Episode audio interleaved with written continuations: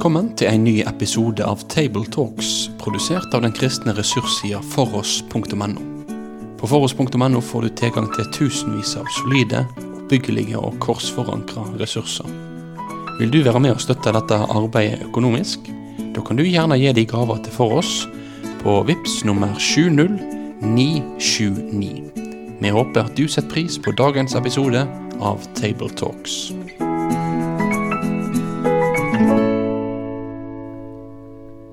Hjertelig velkommen til en eh, ny episode av eh, Tabletalks, som er podkasten der vi samtaler om søndagens tekst. I dag skal vi samtale om det som er teksten for fjerde søndag i faste. Og vi skal lese fra Johannes 11, vers 45 53. Fastetida det er jo forberedelse til påske. Fjerde søndagen den kalles gjerne for midtfaste. For vi er sånn omtrent halvveis mellom askeonsdag og påskedag. Eh, og på latin så kalles denne dagen for letare, som betyr gled dere, og det er henta fra Jesaja 66. Så skal vi merke oss at det er jo ikke akkurat en gledestekst som vi skal lese i dag. Eh, men samtidig så er det det òg, for det er Vi skal jo rette oppmerksomheten på budskapet om Jesu død for hele folket. Med meg til å samtale om denne teksten så har jeg David Fjelsgaard. Og Sverre Bø. Og jeg er Knut Kåre Kirkholm. Og nå skal David få lese teksten. Mange av de jødene som var kommet til Maria, og som hadde sett det Jesus gjorde, kom da til tro på ham. Men noen av dem gikk av sted til fariseerne og fortalte dem om det Jesus hadde gjort. Da samlet øversteprestene og fariseerne rådet og sa, Hva skal vi gjøre? For dette mennesket gjør mange tegn. Hvis vi lar ham fortsette på denne måten, vil alle komme til tro på ham. Og romerne vil komme og ta fra oss både stedet og folket. Men en av dem, Kaifas, som var øverste prest det året, sa til dem, Dere forstår ingenting, og dere tenker heller ikke over at det er bedre for oss at ett menneske dør for folket, enn at hele folket går til grunne. Dette sa han ikke av seg selv, men fordi han var øverste prest det året. Så profeterte han at Jesus skulle dø for folket. Ja, ikke bare for det folket, men også for at han skulle samle til ett de Guds barn som er spredt omkring. Fra den dag var de bestemt på å drepe ham. Yes. Eh, Vi er jo inne i et eh, langt kapittel, Johannes 11. Og jeg ser i dine notater Sverre, at du har skrevet Lasarus eh, øverst på linja i vers 45. For hva er det som har skjedd rett før? Ja, det er denne dramatiske hendelsen at en som var død, og som hadde vært død lenge nok til at det stinket av ham, han blir brakt til liv av Jesu mektige ord, og det er Lasarus. Og vi forstår i Johannes evangeliet at denne hendelsen den skapte en flodbølge av oppmerksomhet og begeistring rundt Jesus.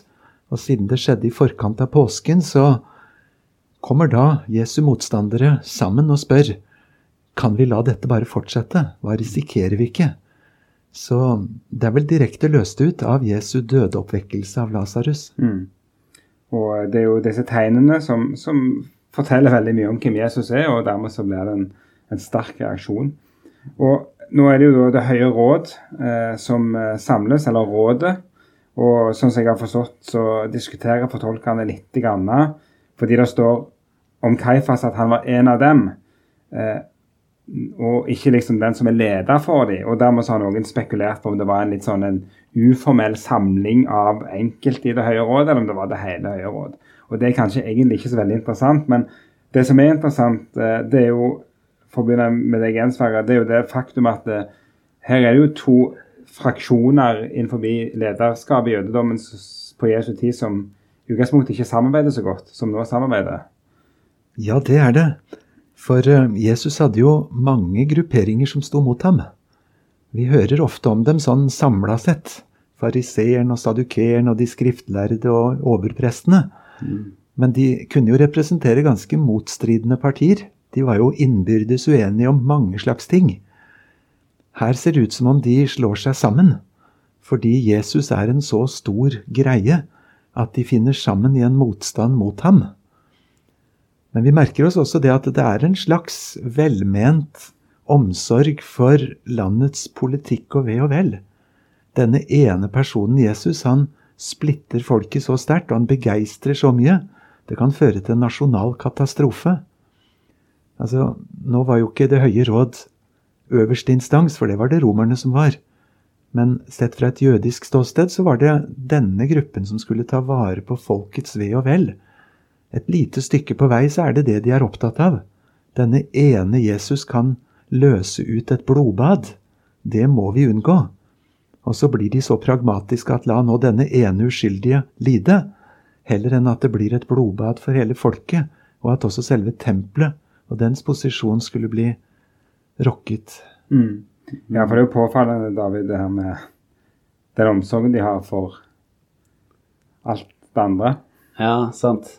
Og opplever det som at uh, de som Sverre her nevner med øversteprestene og, og fariseeren, at, uh, at, det er en større frykt uh, for for romerne, og en større frykt for, for stedet, tempelet, og for, for nasjonen enn det er for, for Gud. Jeg syns eh, spesielt vers 48 er veldig interessant. At hvis vi lar ham fortsette på den måten, vil alle komme til tro på ham. Og så videre der at romerne vil da komme og ta fra oss både stedet og folket. Der ikke sant, Jesus han, eh, han utfordrer oss på det både i, ja, i Johannes evangeliet, men òg i synoptikeren, at hvem er det vi skal frykte mest? Er det han som uh, Han som kan uh, kaste vår sjel i helvete, eller er det de som kan drepe vår kropp? Og her syns jeg man ser en ja, en skjelning av hvert fall hvordan, hvordan de jødiske lederne tenkte her. Og jeg syns jeg er blitt litt utfordra i det siste på, på hvordan Hans Nilsen Hauge møtte dette.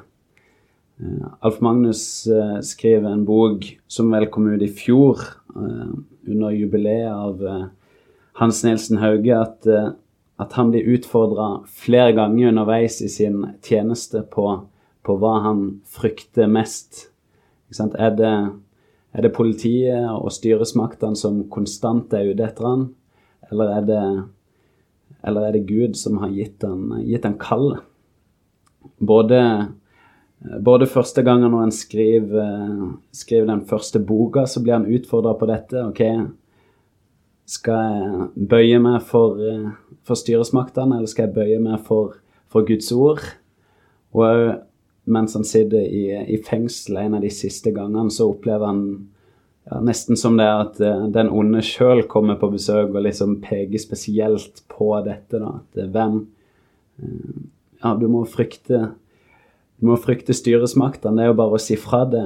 Eh, si fra deg det som du har skrevet, så blir du sluppet ut, og du kan leve, leve og ha det greit. Mm. Så det blir jeg litt utfordra på i denne teksten. Hvem er det vi frykter, frykter mest? da? Mm. mm. Det slo meg òg i vers 48. På gresken så står det jo Så kommer romerne og tar vårt både det hellige stedet og, eh, og folket. Det, det er denne eierskap i mm. det som hører oss til, det som vi forvalter, det som er viktig for oss, det som gir oss status. Det må vi på død og liv ikke miste. Det, det, er litt sånn eh, Det ligger mm. Ja, altså det, det, det, er jo skummelt gjenkjennelig, da. Mm. Det som er, som er greiene. Jeg vil bare nevne En annen ting som jeg har reflektert litt ekstra mye over, er jo òg eh, denne Kaifas. Eh, som var sadukeer. Det får vi, får vi det inntrykk av i apostelgjerningen òg. Pluss at vi vet jo at uh, de som var prester, normalt var sadukerende. og var vel regna for å være mest romervennlige og mest pragmatiske og mest løsningsorienterte. Og han framstår jo på en måte som en dyktig, kall det kjekkepolitiker som uh, søker løsninger og, og, finner liksom en pragmatisk eh, vei ut av det. da. Eh, og Det er jo da Jesus som er problemet som til slutt må ryddes av veien. og Det òg blir en ganske sånn røff utfordring mm. når vi sjøl driver på med organisasjons- og kirkepolitikk og menighetspolitikk og skal finne løsninger og kompromisser og, Mm. og holde sammen på ulike måter, så hvem er det til slutt vi må rydde av veien? Altså det å stille seg det spørsmålet der. Mm. Det er òg en sånn en litt krevende Mm. ting som en trenger å ta inn over seg fra, fra denne teksten, syns jeg. Det er jo et kolossalt ansvar å settes til en leder. Mm. Jesus henter fram et ekstremt bilde og sier at hvis du risikerer å forføre en av disse mine minste små, så var det bedre for deg om det var hengt en kvernstein om halsen på deg og du var senket i havets dyp. Mm. Ærlig sagt så bør jeg som forkynner spørre meg selv Vil det vært bedre med en kvernstein enn en mikrofon? Mm. Vi tenker ut ifra vårt perspektiv hva vi skal få til, men det er jo et enormt ansvar. Mm. Ikke mange av dere må bli lærere, da dere vet at vi skal få en desto strengere dom, står det i Jakobs brev 3.1. Mm. Og samtidig, vi kan ikke la være å tale om det vi har sett og hørt, Mm. eh, men vi må gjøre det i frykt for Herren, Mm. Så ikke vi i ledelsesiver eller fornuftig og pragmatisme rett og slett går hardt fram mot Jesus selv. Mm. Enig. Og der tenker jeg jo vi har, eh, har litt å lære fra, fra denne teksten, spesielt kanskje de som, de som går til øverste prestene og til fariseerne, som veldig tydelig har, har veldig stor tillit til de religiøse lederne. Og så tenker jeg i forlengelse av det du sier der, eh, Sverre, at, eh, at i dag så kan det være at vi kanskje har eh, til tider litt for um, litt for høy tillit kanskje til religiøse ledere, eller til de såkalte profesjonelle. Det er ikke at det skal liksom skyte vår, vår etos her under, under beina, men, men ikke sant, Jesus han kaller, han kaller disiplene som var fiskere, og som var tollere, og som ikke hadde på en måte nådd, opp i, i det religiøse på den tida der. Eh, og da tenker jeg jo at eh, vi eh, Ja, i form av disippelgjøring, da. At vi må utruste hverandre, og ikke bare på en måte overlate det til kirka, overlate det til de såkalte profesjonelle, og så kan, så kan massene på en måte trekke seg rolig ut. Eksempelvis i, i ungdomsarbeid som jeg sjøl eh, jobber i. da. Så tenker jeg at, eh, at vi kan gjøre som Jesus, som vi leser om i starten i Johannes-evangeliet. At eh, hva disippelgjøring der handler om? Jo, han Johannes sine disipler kommer og spør hvor er det du bor? Jesus sier kom og se, inviterer de til seg. Og, og de har, har måltid sammen den kvelden. Eller det står vel ikke eksplisitt måltid, men de var der utover kvelden, og mest sannsynlig hadde de det. Kanskje har vi noe å lære av akkurat det. Istandsette hverandre, og ikke bare overlate det til, til den såkalte eliten, og så, ja, og så ta det derfra. Men heller istandsette hverandre til å invitere andre tett på, tett på livet vårt. Det allmenne prestedømmet. Ja, allmenne prestedømme. Helt sant. En annen ting som jeg eh, Hvis vi skifter, eller går inn i, i selve la oss kalle det, det er jo en profeti. Johannes skriver jo det at eh, Kaifas taler profetisk. Og det ene jeg tenkte på når jeg leste teksten, eh, og, så er det jo det at det, det står noe om at eh, om å gå til grunne. Og det er jo faktisk samme ord som er brukt i Johannes 3, som jo har- det har vært en del diskusjon om i forbindelse med revisjon av eh, bibelteksten i Bibel 2011-revisjonen. Eh, det her med å gå fortapt, gå til grunne. Og det er jo dette ordet apolymi som også er brukt her i, her i, i denne teksten. Og det, det gjør vel at det ligger en liten sånn Det ligger jo en potensiell dobbelthet i profetien til Kaifas. Altså, det ene er det konkrete blodbad som en faktisk kunne forvente at romerne kunne funnet på å gjøre. Eh, Men det andre er jo rett og slett at denne kan også forstås eh, på et åndelig plan i tråd med Jesu ord i Johannes 3.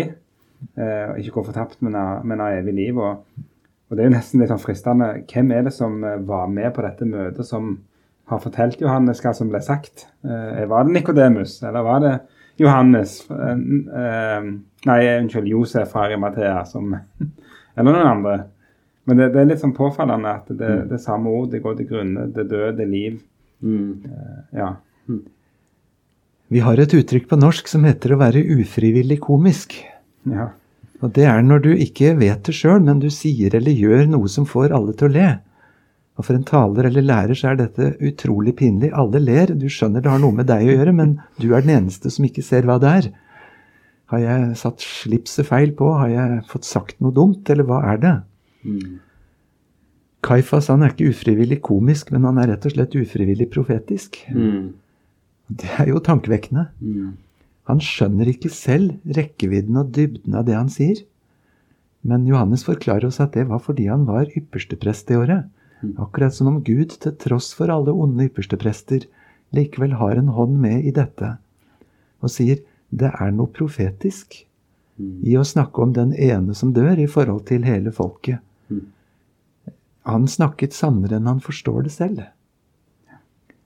Og eh, et sted i første Peters brev så er det akkurat som om Peter stanser opp litt og sier alle profetiene i Det gamle testamentet Forsto egentlig profetene rekkevidden av det de sa? Mm. Og så svarer han ikke direkte, men han sier det ble åpenbart for dem at de egentlig ikke tjente seg selv, men de tjente oss lenge etterpå. De var Guds tjenere, og de brakte tekstene fram.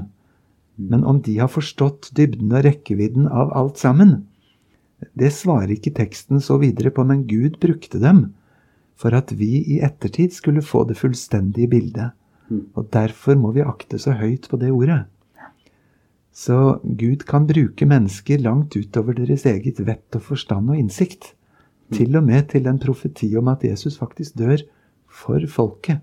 Den største av alle evangeliesannheter. Mm. Og i en så kynisk og maktpolitisk setting som dette. Det er jo ta, utrolig spesielt, ja. At det er sånn.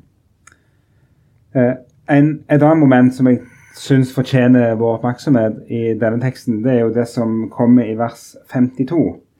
Eh, der det tales om at han, Jesus skal samle til ett de Guds barn som er spredt omkring.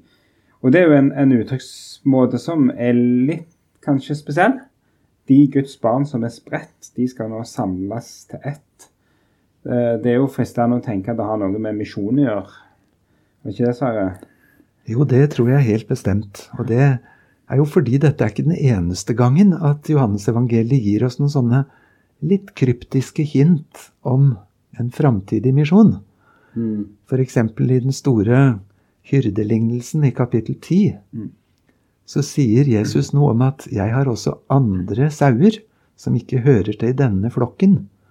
Også dem må jeg lede. Altså Når han står blant jøder i Israel og ser på den store flokken, jo, det er en stor oppgave, men jeg har egentlig noen andre også. Og i lys av hele Bibelen så blir jo plutselig vi en del av dette bildet. Vi som ble født langt utenfor Israel, og som ikke er jøder av fødsel, men som Gud hadde en frelsesplan for. Så Kaifas han var enda mer profetisk enn han forsto. Jesus dør for folket, ikke bare for sitt folk, som Kaifas tenkte på, men for alle de andre som Gud har skapt. I deg skal alle jordens slekter velsignes. Til og med langt oppe i nord ble vi en del av den velsignelsen Mm. som Gud ga oss gjennom Abrahams etterkommer Jesus. Når jeg leste denne teksten, så holdt jeg samtidig på å lese en eh, Odd Rannestad, som er vår misjonær for Misjonsarbeidet, har jo gitt ut nylig en bok som heter 'Tykkikos', som er en sånn bibelroman fra de første kristne. og Jeg leste det samtidig. Eh, Men det som er litt artig, er at han, han eh, prøver å male et bilde av denne tida. Og bruker den, en del av den historiske kunnskapen vi har. og Et av punktene vi har, er jo at Johannes synes å ha tilbrakt store deler av avslutningen av, sitt, av sin tjeneste i Efesos. Eh, Og det er jo veldig spennende, for det er jo nettopp i Efesus at det er de som får brevet fra Paulus om eh, dette gjerdet som skal rives ned, og de to eh, som er kommet eller er Dere som var langt borte, er kommet nær i, i Kristi blod. og Han har revet ned gjerdet, muren, og, og brakt de sammen. og så så passer det veldig godt med, med denne her tonen som vi finner både her og i denne hyrdelignelsen, eller sauelignelsen i Johannes 10. Så det er sånn, det er sånn, jeg begynner å tenke sånn, ja, det passer seg. Johannes, han, eh, han, han levde oppi oppi disse folkene og, som var i en sånn situasjon. og Kanskje var det nettopp i Efesos han satt og skrev evangeliet, og kanskje hadde han Mm. forkynt dette her mange, mer enn én en gang i, Mm. i menigheten i Efesus. Og så, og så er det Så får han tatt med, for det er jo Her er jo en, en uh, Dette verset er jo en slags Det er vel det vi kaller for sånn sånn- Det er jo kjennetegn for Johannes at han gjengir Jesu ord, og så sklir det ofte litt over i Mm. Johannes sjøl som reflekterer litt over betydningen og rekkevidden av, Av Jesu ord. Og her er det da Kaifas sine ord, og så reflekterer han litt sånn i forlengelsen over den teologiske rekkevidden av det. Så det er fristende liksom, synes jeg, da, å, å se det litt sammen med, med Johannes der, som kanskje har, har vært i denne menigheten og sagt til disse folkene, og så skriver han sitt evangelium, og så får han enda en sjanse til å, til å slå fast denne sannheten, da, at det er virkelig for, for alle, og Jesus kom for å, og han døde for å samle dem sammen og Mm. forene de som, de som var atskilt. Det er noe fint over det. Men det er jo sånn, sånn eh, forbi teksten-tanker som Ja. av og til kan tillate seg i lys av eh, litt hva vi vet om, eh, om samtida. da. Mm. Eh, hvis vi går mot en avrunding, tida går fort. Eh, jeg pleier alltid å stille et fast spørsmål. Hvis du skal tale ved denne teksten, hva vil være det du særlig ønsker å betone? Så jeg kan begynne med deg, David. Eh, Jeg ville nok kommet innom eh, et par ting, men kanskje betont spesielt det vi har snakket om med eh, hvem man frykter mest, og òg det vi har snakket om her med, med misjon. Mm. Og det mot slutten av, av teksten her, spesielt da i, i vers 52, som det er snakk om. Mm. Ikke sant? Mm. Sverre? Ja, jeg tenker på hvor uendelig stor Gud er. Han har sin plan. Han sender Jesus. Det er motstand på alle hold og intriger og konspirasjoner. Og midt gjennom det hele så er Gud i stand til å bruke hvem det måtte være, Mm. til å føre sin plan fram.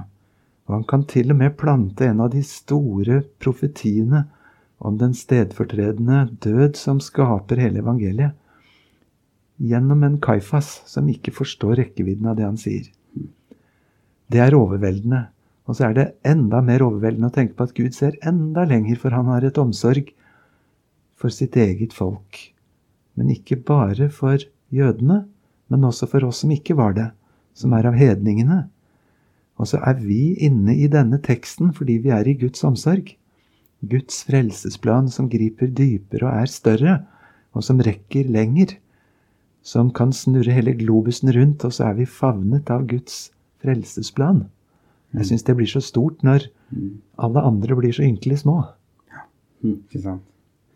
Og så kan jeg bare nevne før vi runder av en sånn siste moment som, som jeg tenkte på. Det er jo det begrepet jødene som står, og, og, og som jo er tilbakevendende tema. Mm. Um, og der, der er det jo litt sånn uklart. Uh, er det liksom jødene sånn som vi tenker religionen jødom, eller sikter dette mer spesifikt til judeerne? Som, og, og eh, forskjellen på ju, Juda og Galilea, eller Judea og Galilea, og, og at det var spenninger der òg.